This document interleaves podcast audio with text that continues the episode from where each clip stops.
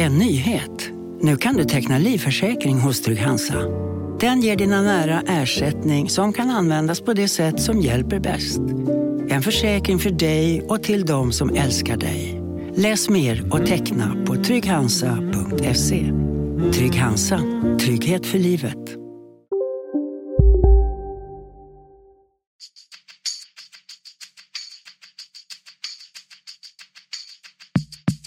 Skönt att komma ut och uh, bara lukta gräset. Så det, är, det är fotboll för mig. Nu är jag här och jag är väldigt glad att uh, kunna spela för det laget som jag har närmast om hjärtat. Om att skapa tro, om att tro på det vi gör, jobba vidare och vi ska vara ute där och ska vi leverera. Och det ska vi ju. Basta. Välkomna tillbaka till MFF-podden. Det här är avsnitt nummer 249. Jag heter Fredrik Hedenskog och jag har digitalt sällskap av Max Wiman och Fredrik Lindstrand. Hej hej! Morgon, morgon. morgon. Eh, vi ska idag prata om eh, Malmö FFs två avslutande matcher här under den allsvenska våren. Det vill säga hemmasegern mot Elfsborg och bortasegern mot Örebro. 2-1 eh, skrevs segersiffrorna till för MFFs del i båda fallen. Ehm, och man kan säga så att det ena var ju en, eh, en ganska underhållande och fartfylld match. Den andra var en, eh, en match. Eh, alltså eh, där det visserligen skapades mycket chanser men det var ju konstgräsfotboll på något sätt. Men om vi börjar från början så Eh, var det ju så i matchen mot Elfsborg att Anders Christiansen eh, haltade av planen redan efter tre minuter. Eh, Ola Toivonen hasade på baken av planen strax före paus. Ehm, men faktum kvarstår då att Malmö FF har vunnit de här två matcherna utan Anders Christiansen och i stort sett utan Ola Toivonen. Varför det? Vem var det som klev fram vem vill börja? Tystnaden är total. Man kan väl säga lite grann att laget har klivit fram. Eh, och kanske tagit ett större ansvar framförallt upp på mittfältet men man har ju hittat någon sorts balans. Erdal Rakip trivs ju betydligt bättre i sin nya roll. Jag tyckte han var riktigt duktig mot eh, Örebro. Han gör, avgör dessutom ett fint mål. Eh, så att Erdal tycker jag är väl en, en stor skillnad en, en spelare som har gjort skillnad i de här matcherna. Fredrik? Ja, jag tycker, jag håller också med om att eh, Rakip ska lyftas eh, eh, för sina insatser där. Eh, och även Vagic också förstås. De, det, det, hänger lite ihop de två eh, på planen men eh, det, det, det, går inte att komma ifrån att eh, MFF har blivit ett stabilare lag sen Vagic kom in eh, från start. Det, det, det kanske inte svårt att säga om det är just på grund av just exakt honom eller om det är just på, på spelartypen. Det är möjligt att det hade funkat lika bra med Bonke liksom, eh, som, som är väl en någorlunda liknande spelare i alla fall. Man får omvärdera sina tankar ibland. Jag tyckte att Pavle han missade ett par passningar och var senfärdig i första halvlek mot Örebro och sen var han oerhört stillastående och markerade inte när Örebro gör sitt mål när Dennis Schummet bara rinner igenom i straffområdet. Eh, men när man sen tittar tillbaka och liksom ser lite sammandrag och lite ytterligare så inser jag att han i övrigt gjorde en väldigt, väldigt bra match. Eh, och har hittat någonting tillsammans med Erdal. Eh, så det, det jag, jag, tror faktiskt att det är skillnad mellan honom och Bonke för jag tycker att han är en bättre passningsspelare när han väl får igång passningsspelet. Och sen så är det väl ett gott betyg till, eh, till Jon Dahl Tomasson också någonstans att eh, MFF ändå satt en så pass stark grundstruktur så att man kan eh, så att man kan hantera den här typen av förändringar. Det är ju klart att man, man har en bred trupp med många spelare som kan gå in och göra ett, ett, ett gott jobb. De är högklassiga men det ska också, de ska också veta sina roller och, och, det ska inte behöva bli en jätteomvälvning. Liksom. Det är ändå två av seriens bästa spelare som man tappar och det det, det, det, är fel att säga att det inte märks på plan. Det gör det. ju Framförallt att Anders Christiansen är borta. Eh, det är ju en stor omställning. Men eh, det, det, kan ju... I enskilda matcher så, här, så, så kan det ju gå om, om strukturen är bra. Sen över, ser man över en längre period så tror jag att MFF kommer bli lidande av att inte ha Anders Christiansen med. Ola Toivonen har ju har ju inte, varit, har inte gjort några större avtryck under våren så den omställningen har inte, den är på ett annat sätt. Liksom. Eh, vad, kunde man se några, eh, alltså utöver de rent personella förändringarna, kan man säga några andra justeringar i MFFs uppträdande under de här två matcherna? Det var en svår fråga faktiskt. Ja. Uh, jag vet inte vad jag ska säga riktigt. Det, det som är en skillnad är naturligtvis att man har valt att gå ner på fembackslinje i avgörande skeden mot slutet av matcherna. Det är ju, eh, men det, gjorde man ju, det gjorde man ju även mot så att säga med när Christiansen var, och Toivonen var tillgängliga också mot AIK och, ja, ja, och Kalmar. Inte, ja. Jag tänker mer eh, om det är någonting, alltså om det har synts på något annat sätt i spelet.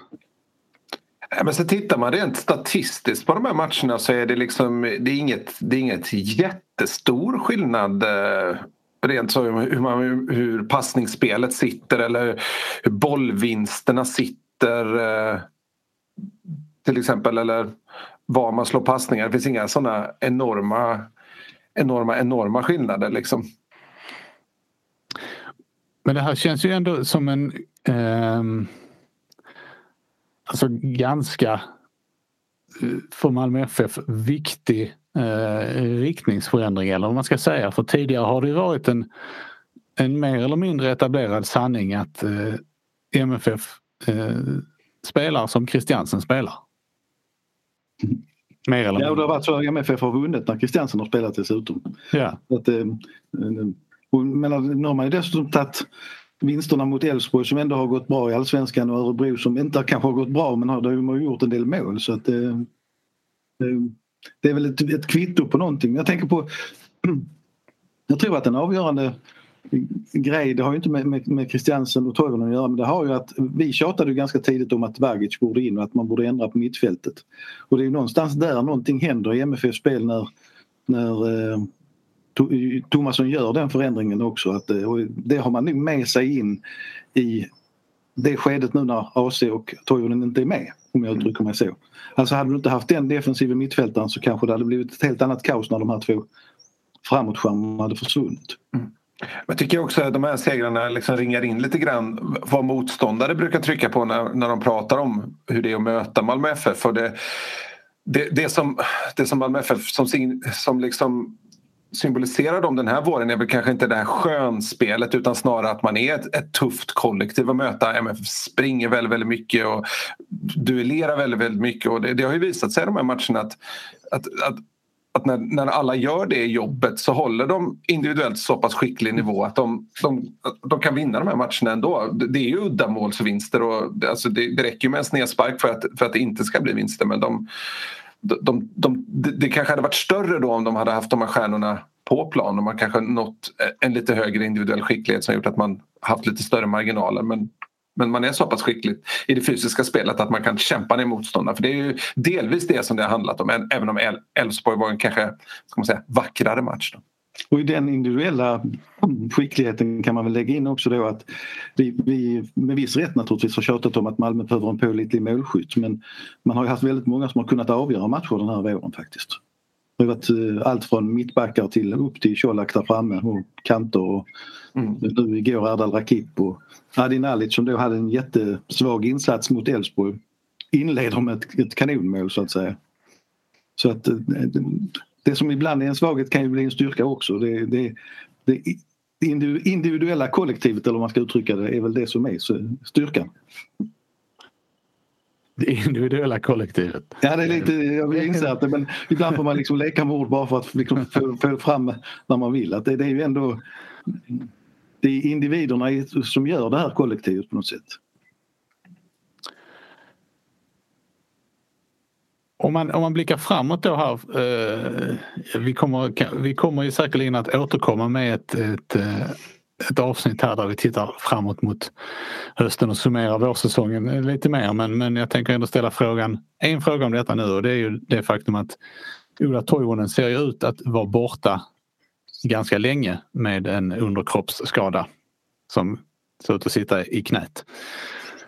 Eh, och då är frågan vad ni, vad ni föredrar eh, laguttagningsmässigt. Ska MFF spela med Anders Christiansen som tia framför Rakip och en sittande mittfältare, Vagic då i nuläget. Eller eh, ska man spela med Nalic som tia och Christiansen och Vagic längre ner? Eller är det så att det här är liksom en, eh, en, en flexibel mittfältstriangel som man kan anpassa efter motstånd och behov? Ja, det, är, det är klart att den är, att den är flexibel. Liksom. Det, det, det är ju självklart, men det tycker jag MFF alltid har varit ganska flexibelt. Så, även om man kanske inte valt, att de har haft det alternativet i alla fall. Men grunduppställningen så tycker jag att Anders Christiansen ska vara tia. Det, det har jag väl egentligen tyckt hela tiden. Det, det är där han är bäst. Uh, han kommer ner så pass mycket och hämtar bollar ändå så att, och rör sig över stora ytor så att han får en balansroll även om han är en tia så att säga. Eh, och jag tycker att om, om Toivonens skada visar på någonting så är det att MFF behöver hitta en ersättare i Bachero-stilen. Liksom. Det har man ju faktiskt inte ersatt sen han försvann då, eh, i augusti för nästan ett år sedan. Och det, det är den rollen MFF behöver. Liksom. Jag håller helt med vad det gäller just att det är AC som ska ha den rollen i första hand. Men om man tittar utifrån prestationerna just nu så, så är det väl fortfarande så att Nalic måste ha en jämnare högre nivå för att verkligen konkurrera i start 11 på sikt tycker jag. Eh, och att Erdal Rakip då har gjort det bättre så att säga när han har fått sin roll där. Så att, eh, den uppställningen känns väl mest harmonisk. Även om naturligtvis Adi Nalic har mycket av de här möjligheterna i, i kroppen men, men eh, det, det är lite grann med skallen där också som måste med att han inte, inte ska överprestera sig själv utan försöka nå en jämnare nivå för laget. Sen tänker jag vad du, när du, det du pratar om framåt i övrigt så eh, det kan ju bli lite, vad ska man säga, lite, lite stökig sommar nu här. Att Anel försvinner, eh, Anel Ahmedhodzic, det kan vi väl utgå ifrån. Eh, Oskar Lewicki sa då i en Discovery-intervjus där han såg extremt plågad ut över att inte kunna prata friare ur hjärtat och jag led med honom. Jag tycker det är, inom parentes, är, måste kännas hemskt för honom att gå ner i Höllviken på toppen och eh, träffa människor och kompisar och andra och bara försöka undvika svara på frågor. Men han sa ju där att han hoppades kunna börja träna lätt efter EM-uppehållet. Det innebär att han är borta länge. Eh, och vi ska inte leka medicin men, men visst finns det mycket som talar för att inte minst eftersom MFF mörkar ännu mer nu eh, kring Ivar Toivonen och bara talar i gåtor att, att, att det är en allvarlig knäskada på honom. Eh, och då är det ju plötsligt tre spelare som ska, måste ersättas på något sätt. Eh, Okej, okay, man har lyckats ersätta Lewicki under hela våren här men det är ju tre nyckelspelare i, när det går in i ett intensivare matchande så att det kan ju bli ett, ett spännande sommarfönster. Man kan ju notera det också att eh, det fanns en eh, Marcus Björkqvist på bänken igår, en junior som jag måste erkänna att jag knappt ens har hört talas om tidigare. En mittfältare och det säger väl en del om att det just nu är sargat.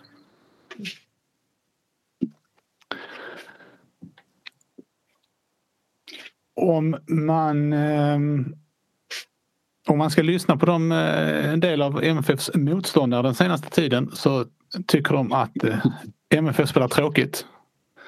Det är mycket fokus på de långa inkasten. Eh, håller ni med? Eller är det bara surt sa räven kommentarer?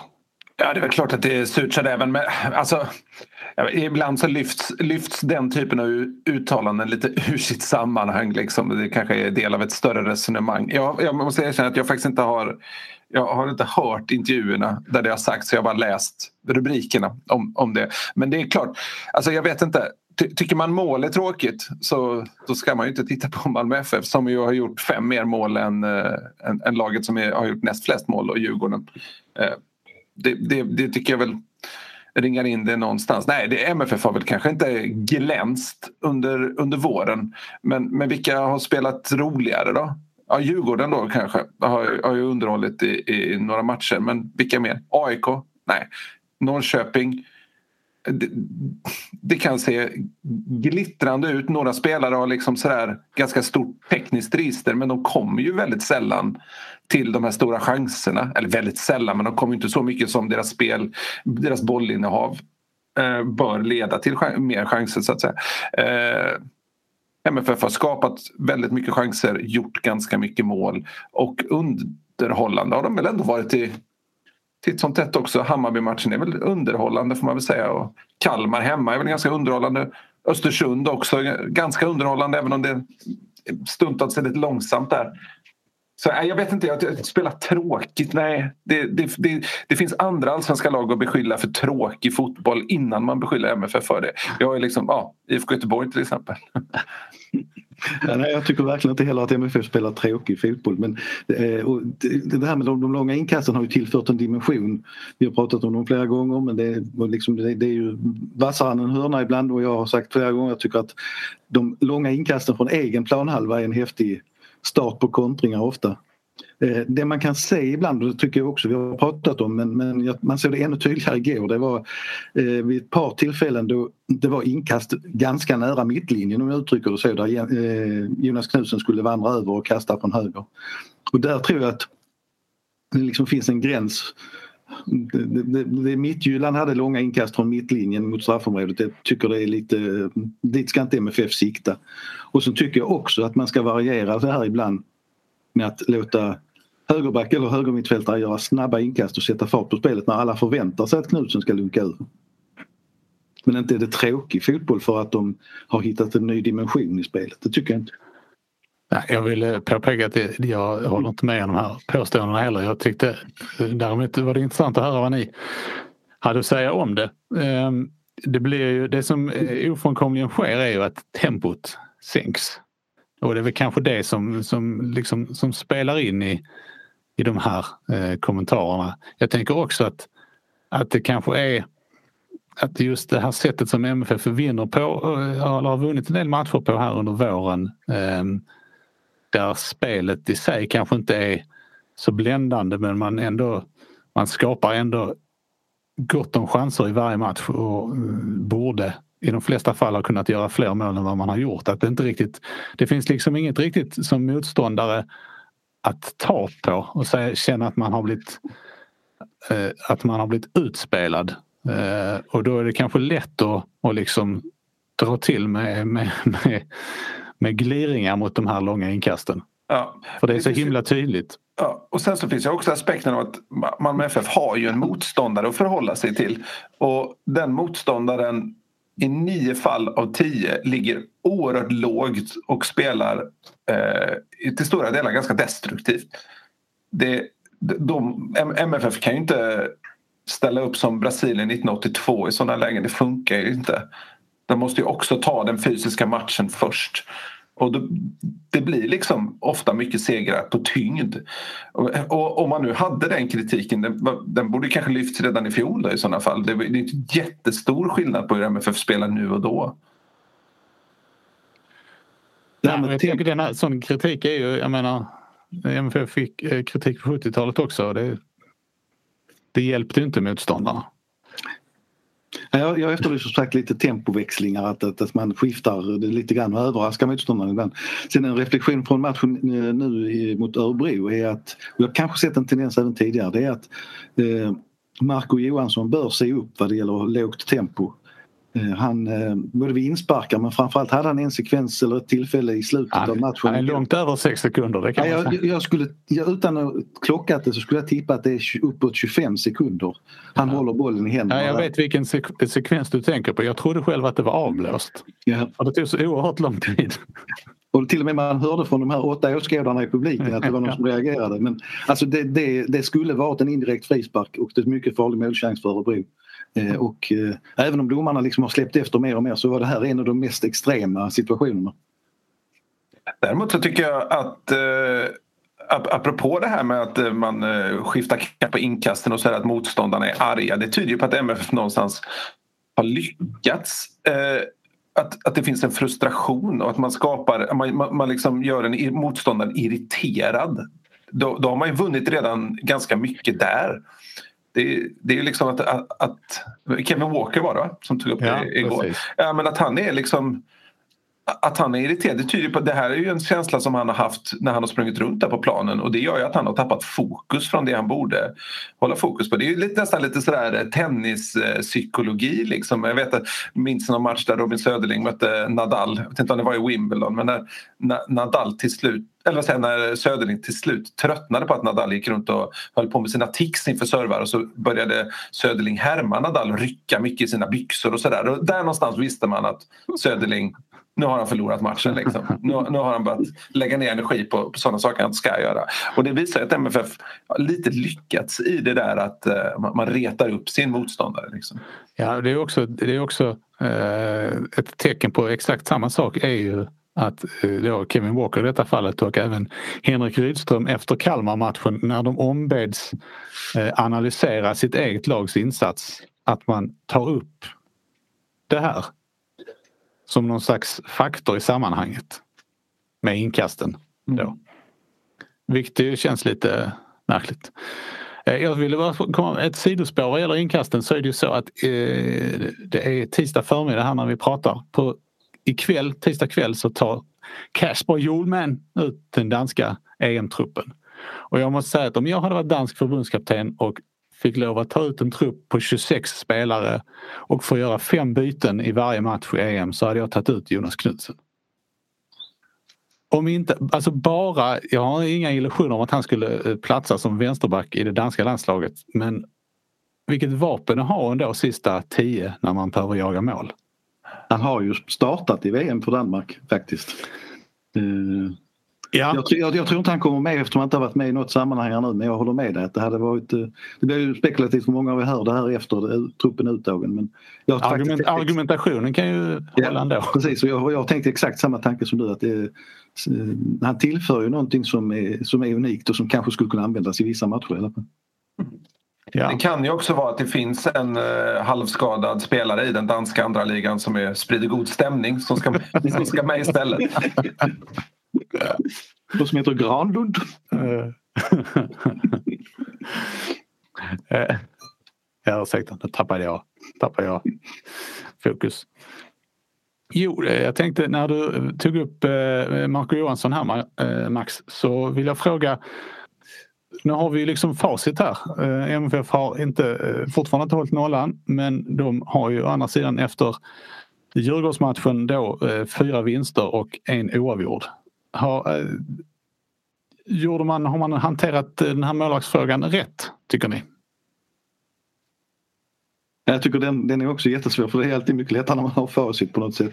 Det är, det är svårt att, att kritisera MFF när de väl vann de här sista avgörande matcherna och inte eh, Marco gjorde inga avgörande misstag eller något sånt här så att säga. Nu vet vi att det finns ett antal träningsmatcher under uppehållet där Johan Dahlin kan komma i form men jag vill nog ändå hålla fast vid min åsikt att jag tror det hade varit bra om man hade fått komma igång i Allsvenskan redan nu. Och jag tror att det hade varit bra för MFF också att se hur, hur det hade påverkat spelet men, men det går liksom inte att anföra resultaten som ett argument i, i det här läget tycker jag. Nej, det håller jag väl, eh, det håller jag väl med om. Eh, att det, man vet ju inte vad man hade fått med Dalin. Det är så svårt att svara också på frågan eftersom vi inte får se några träningar. Det kan ju ha varit att Johan Dalin har sett ganska skakig ut på träningarna. Att han, har, att han har långt kvar till formen. Att, det for, att han fortfarande är lite hämmad så att säga. Det, det, det, det vet vi ju ingenting om. Det, det, sagt, vi, vi vet lite för lite. Och, men det, det, när, när, vi kritiserade och ville ha till ett byte så var det ju för att det hade sett väldigt skakigt ut bakåt och att Marco hade haft problem. Eh, så att liksom där och då så tycker jag kritiken var befogad. Det har ju... Vi får aldrig svaret på vad som hade hänt om man hade gjort bytet. Det har ju eh, absolut stabiliserat sig på många fronter i försvars och målvaktsspelet de, eh, de eh, sista fem matcherna som MFF har spelat här. Ehm, sen blir man Vi är specialister på det vi gör precis som du. Därför försäkrar vi på Swedea bara småföretag, som ditt. För oss är små företag alltid större än stora och vår företagsförsäkring anpassar sig helt efter firmans förutsättningar. Gå in på swedea.se företag och jämför själv.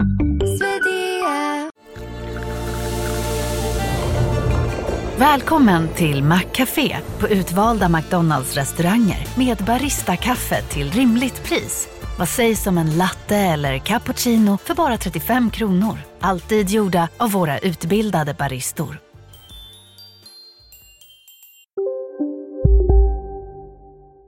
Det är lite som, som, eh, som en som under hela sin fotbollstillvaro ägnade sig åt att försvara målet så blir man ju lite bedrövad.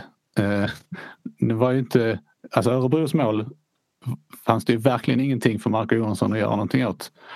Eh, men man blir ju bedrövad när det missas så mycket i den andra änden av planen.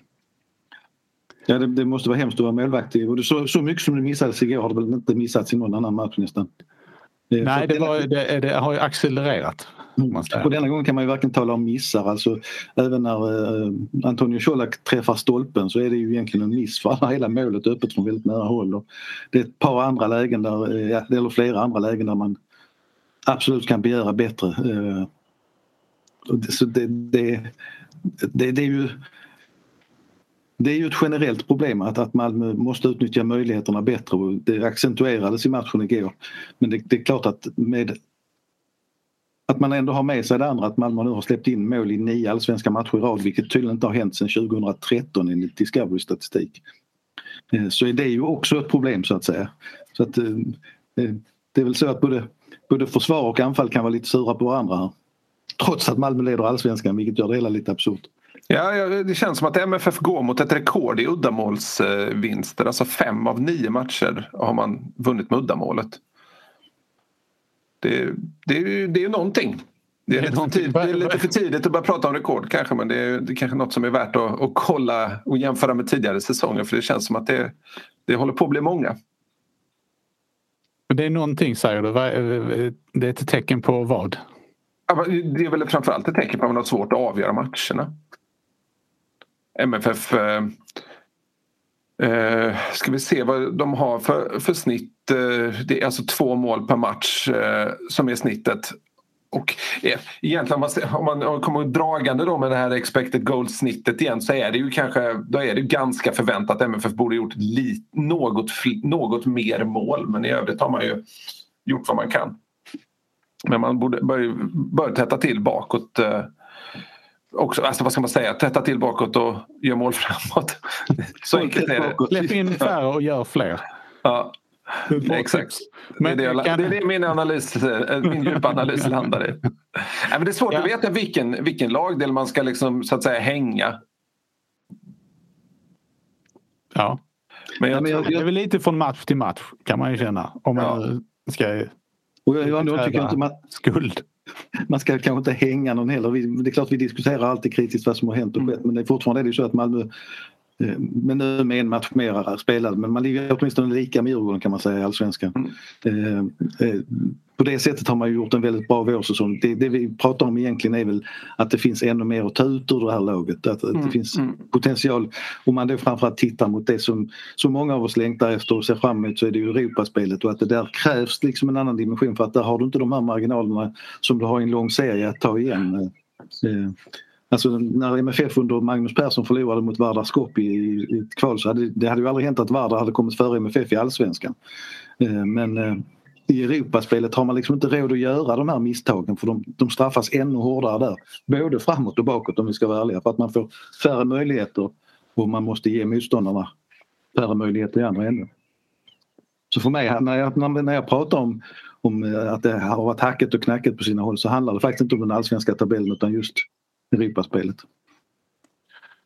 Men kan man, skulle man inte också kunna vända den här eh, uddamålssegrarna till, eh, till någonting som är en styrka, det vill säga att vinna jämna matcher.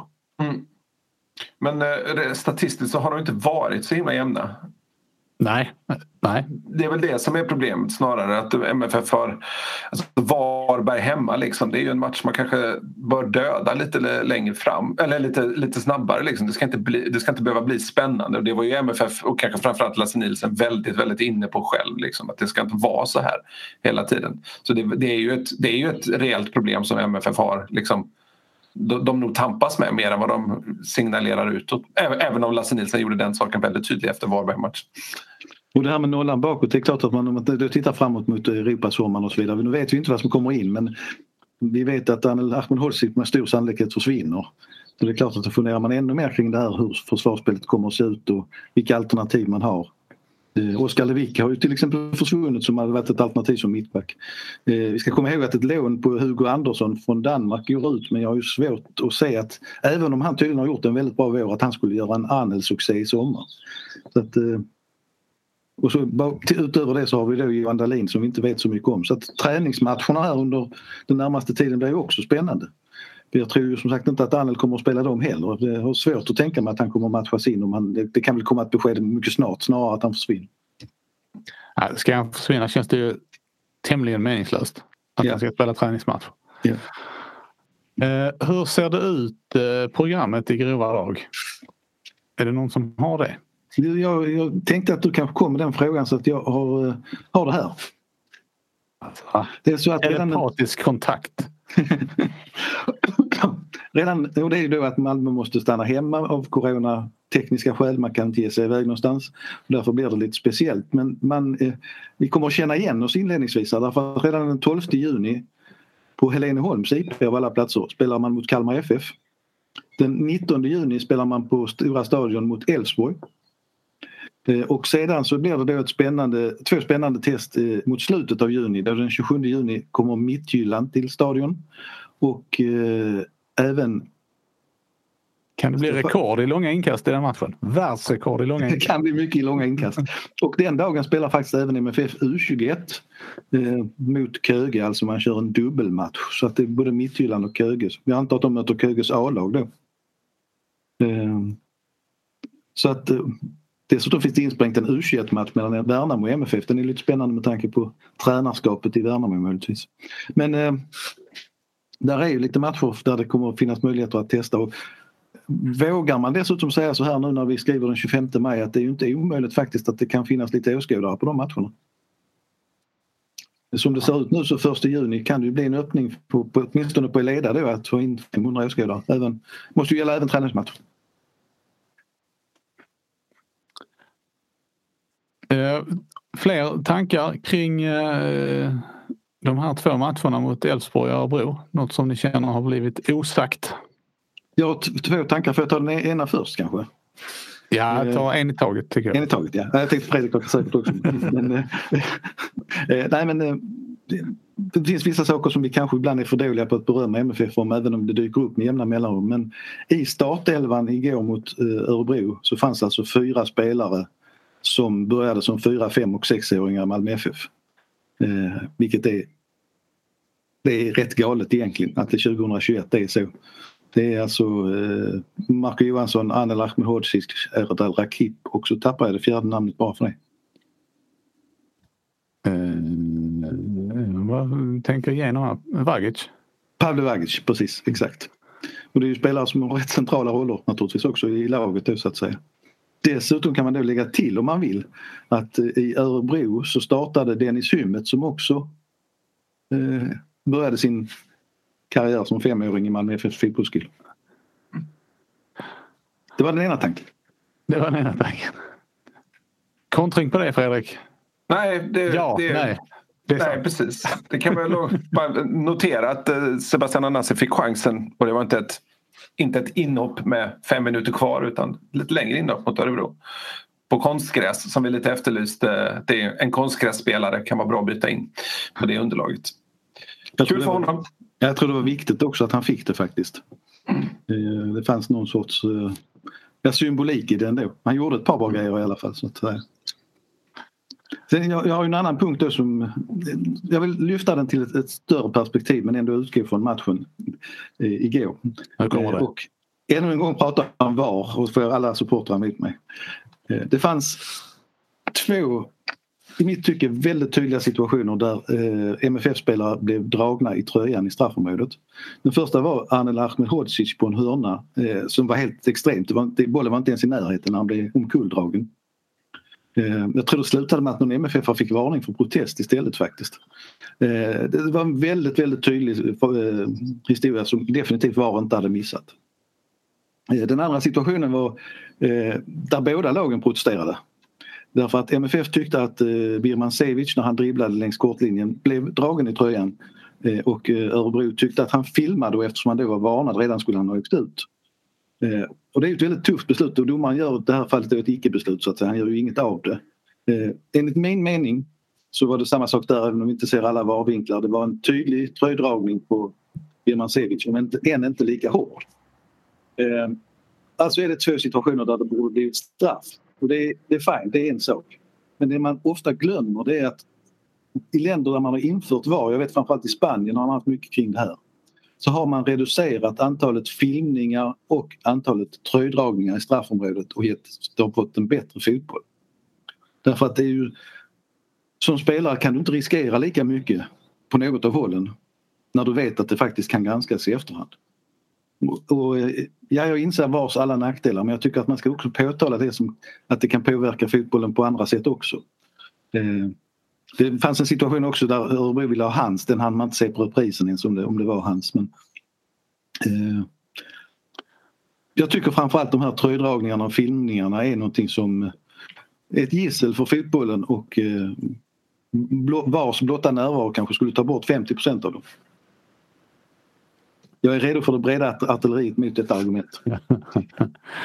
alltså eh, tröjdragningen på Ahmed Hodzic den eh, håller jag med om att den var synnerligen kraftig. Den skedde, skedde nästan inne i målet. Ja. Faktiskt. Eh, vad gäller eh, Birmancevic så är jag lite mer... Eh, alltså där kan jag nästan känna att, att ett icke-beslut var det korrekta beslutet. För det fanns, ju, det fanns kontakt men kanske inte tillräckligt mycket eh, för att det skulle vara motiverat att blåsa straff. Det var också så att Birmancevic förstärkte den kontakten och föll. Frågan är ju då om man hade tillgripit VAR i det sammanhanget eh, om det hade liksom påverkat domaren att fatta ett beslut i den ena eller andra riktningen när det som jag uppfattade alltså det korrekta beslutet redan var fattat, det vill säga ingen åtgärd alls. Nej, nej jag, jag håller med dig, alltså, den var inte lika tydlig och det, det är en poäng i det. Vad som hade hänt om det hade funnits VAR är förmodligen att eh, Kristoffer Karlsson hade gjort som nu, det vill säga ingenting alls. Eh, och så hade VAR bett om granskning av det hela och så hade man konstaterat att det blev korrekt. För just i den här situationen hade det varit lika otäckt alltså en felaktigt dömd straff eller att Birman Sevic skulle åka ut. För det tycker jag nästan är det värsta om du åker ut för filmning när det inte är filmning. Eh, det tycker jag är en av de mest, vad ska vi säga, ja, mest negativa besluten för, för, för domarskapet så att säga. Men, eh, eh jag tycker att tekniken är lite spännande och jag vill absolut inte ta bort känslan, absolut inte. Det, det är en balansgång men, men eh, jag tror man måste ha det med sig. Att det, ja. ja. Har du något att invända Fredrik?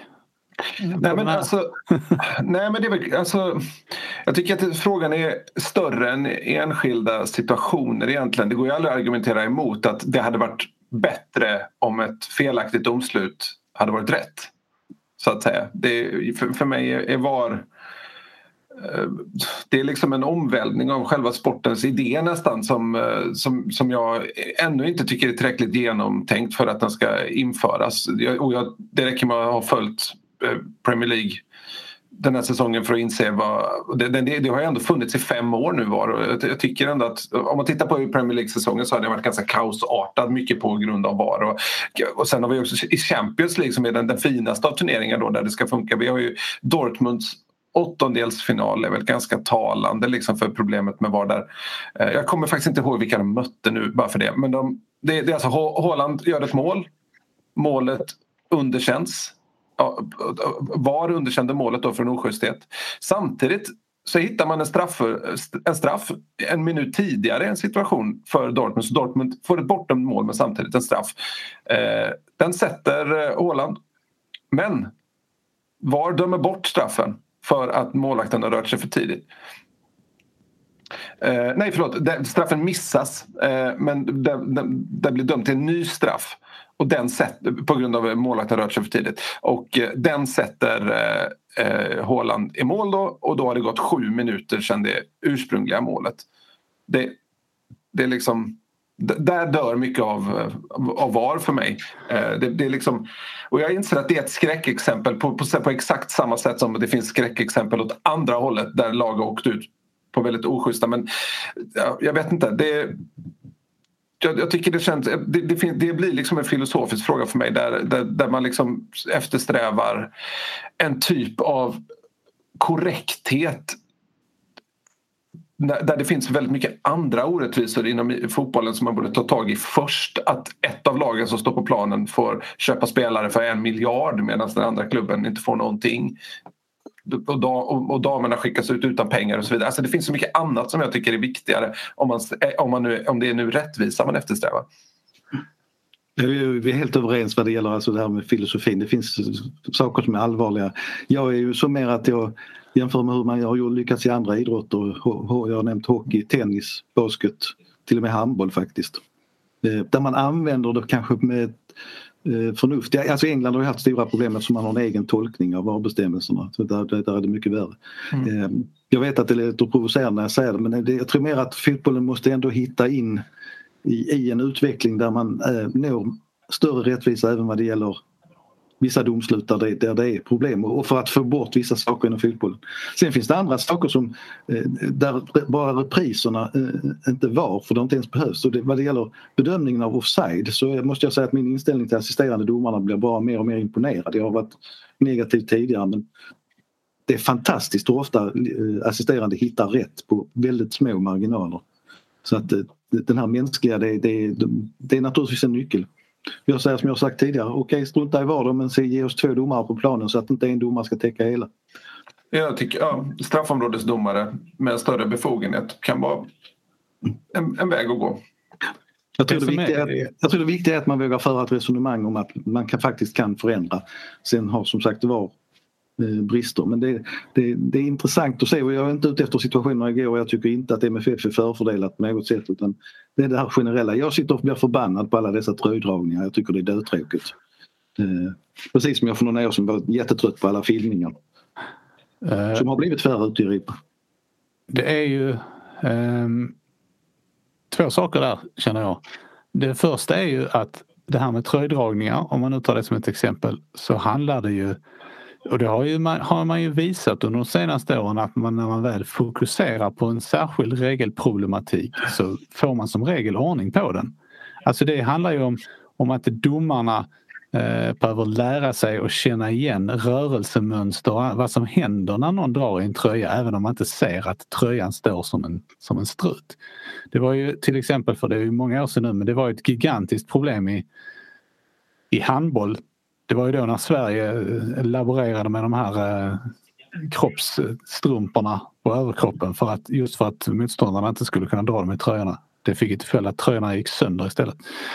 Eh, men, eh, men där har man ju liksom, där kommer man till rätta på det genom att fokusera på det. Det är klart att där är det ju två domare som är närmare spelet och det är kanske lättare men det, jag tror det är kanske ändå den vägen som man ska gå först och främst. Sen är det ju vad gäller VAR och fotboll så finns det ju, alltså i förhållande till, till andra sporter så är det ju en inbyggd problematik, jag tror vi har pratat om detta tidigare, att det görs så få mål i fotboll i förhållande till andra sporter.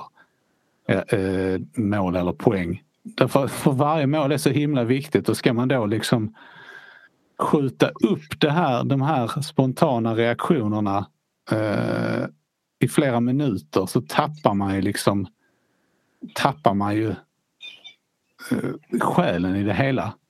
Om man skjuter upp, om man, eh, om man liksom skjuter upp domslutet från en boll i en tennismatch så gör inte det så mycket i det stora hela. Eller om man granskar ett mål i, i en hockeymatch så gör inte det heller så mycket eftersom det som regel är fler mål. Um, så det känns ju som att det finns en... Fotbollen skiljer sig från, från andra idrotter på det viset man skulle, det man skulle försöka titta på i fotbollen är ju i så fall snarare den modellen som man har i, i rugby som ju också är ett väldigt liksom eh, flytande spel med få pauser. Där hanterar man ju de här situationerna på, på ett mycket smidigare och snabbare och bättre sätt. Där man dessutom eh, i, liksom i övre sammanhang hela tiden får höra dialogen mellan domaren och var, den VAR-ansvarige. Vilket är liksom ett underhållsvärde i sig. Ja, men jag, jag var mina fem cent. Nej, men jag kan hålla, hålla med dig i allt du säger. Alltså det, det är det som är problematiken. Jag är ute efter mest att jag tror att man måste våga utveckla eh, också så att eftersom tekniken finns där ändå. Vi ser det framför oss i tv-rutorna och det är inte roligt att se när det är, är grova felbedömningar som faktiskt avgör matcher. För de blir ännu mer avgörande när det är färre mål. Men jag, jag förstår helt tankegången.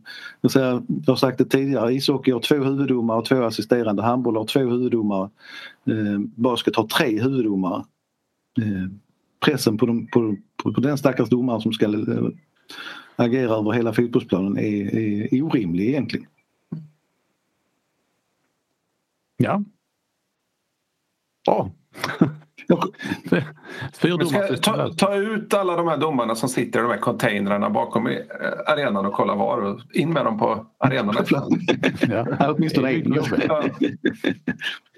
Ja. Jag har ju nämnt det tidigare, jag var ju på en sån uh, träff i Danmark för uh, det var två, ett och ett halvt år sedan nu. Det var väldigt fascinerande att följa det. Och det var kamerorna ser ju saker på ett helt annat sätt. Om vi ska bara nudda vid det igen så att, att vi fortfarande inte har målkameror i fotboll är ju helt obegripligt. På den högsta nivån. Det är, det är bara vid enstaka tillfällen det har skett. Det man, det man däremot kan säga är ju, vilket ju har visat sig vid upprepade tillfällen, det är ju att det är en omställning för de som spelar i allsvenskan eller annan serie utan VAR när man sen spelar Europaspel och det är VAR. Ja, Lex, Wolf, man, Lex Wolfsburg, Malmö FF. Ja, där Wolfsburg fortsätter spela och MFF stannar upp. Ja. Så där har du en problematik också. Så det är ju någonting som, som, eh, som någon behöver lösa. Exakt. Inte jag lämpligen. jag kom på en tredje punkt också Fredrik. Ja. En, som vi nästan har glömt bort på grund av, eh, eller inte glömt bort, men eh, den har tynat bort på grund av coronasituationen.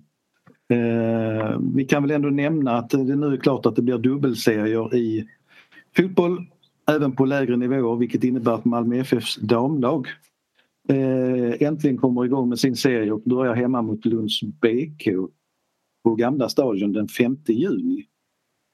Och tillbaka igen där till då om nu smittkurvorna pekar åt rätt håll och eh, det som gäll, exakt ska gälla från 1 juni så skulle det faktiskt kunna innebära att det kan vara 500 åskådare på Malmö stadion eftersom där finns väldigt goda utrymmen dessutom. Eh, när MFF har den här premiären. Jag vet att man har sålt typ 174 årskort till damlaget. De har naturligtvis första tjing men, men det finns små ljusningar att eh, kanske, och möjligheter att kanske få gå på fotboll ganska snart. Det är ju trevligt. Mm. Tycker vi. Det kan vi. Där är vi helt överens. Det gör vi. um, vi kommer som jag sa inledningsvis att återkomma här med lite mer uh, summerande av vårsäsongen. Fredrik Lindstrand kommer uh, att uh, vid, när jag trycker på stoppknappen här, att övergå i EM-tjänst. Granqvist bevakning på 100 procent. Ja. Totalt, eh, totalt eh, eh, landsfaderfokus.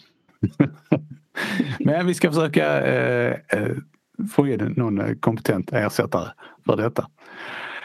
Tills dess så har detta varit avsnitt nummer 249 av MFF-podden där vi anser att konstgräs ska förbjudas i svensk elitfotboll. Jag heter Fredrik Hedenskog, jag har haft sällskap av Max Wiman och Fredrik Lindstrand och ansvarig utgivare är Jonas Kanje. Tack för oss, hej hej!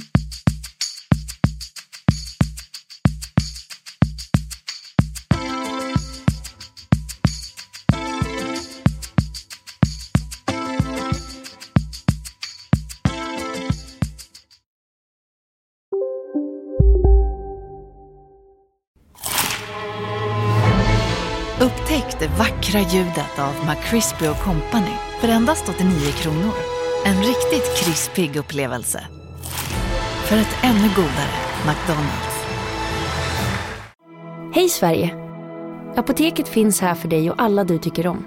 Nu hittar du extra bra pris på massor av produkter hos oss. Allt för att du ska må bra. Välkommen till oss på Apoteket.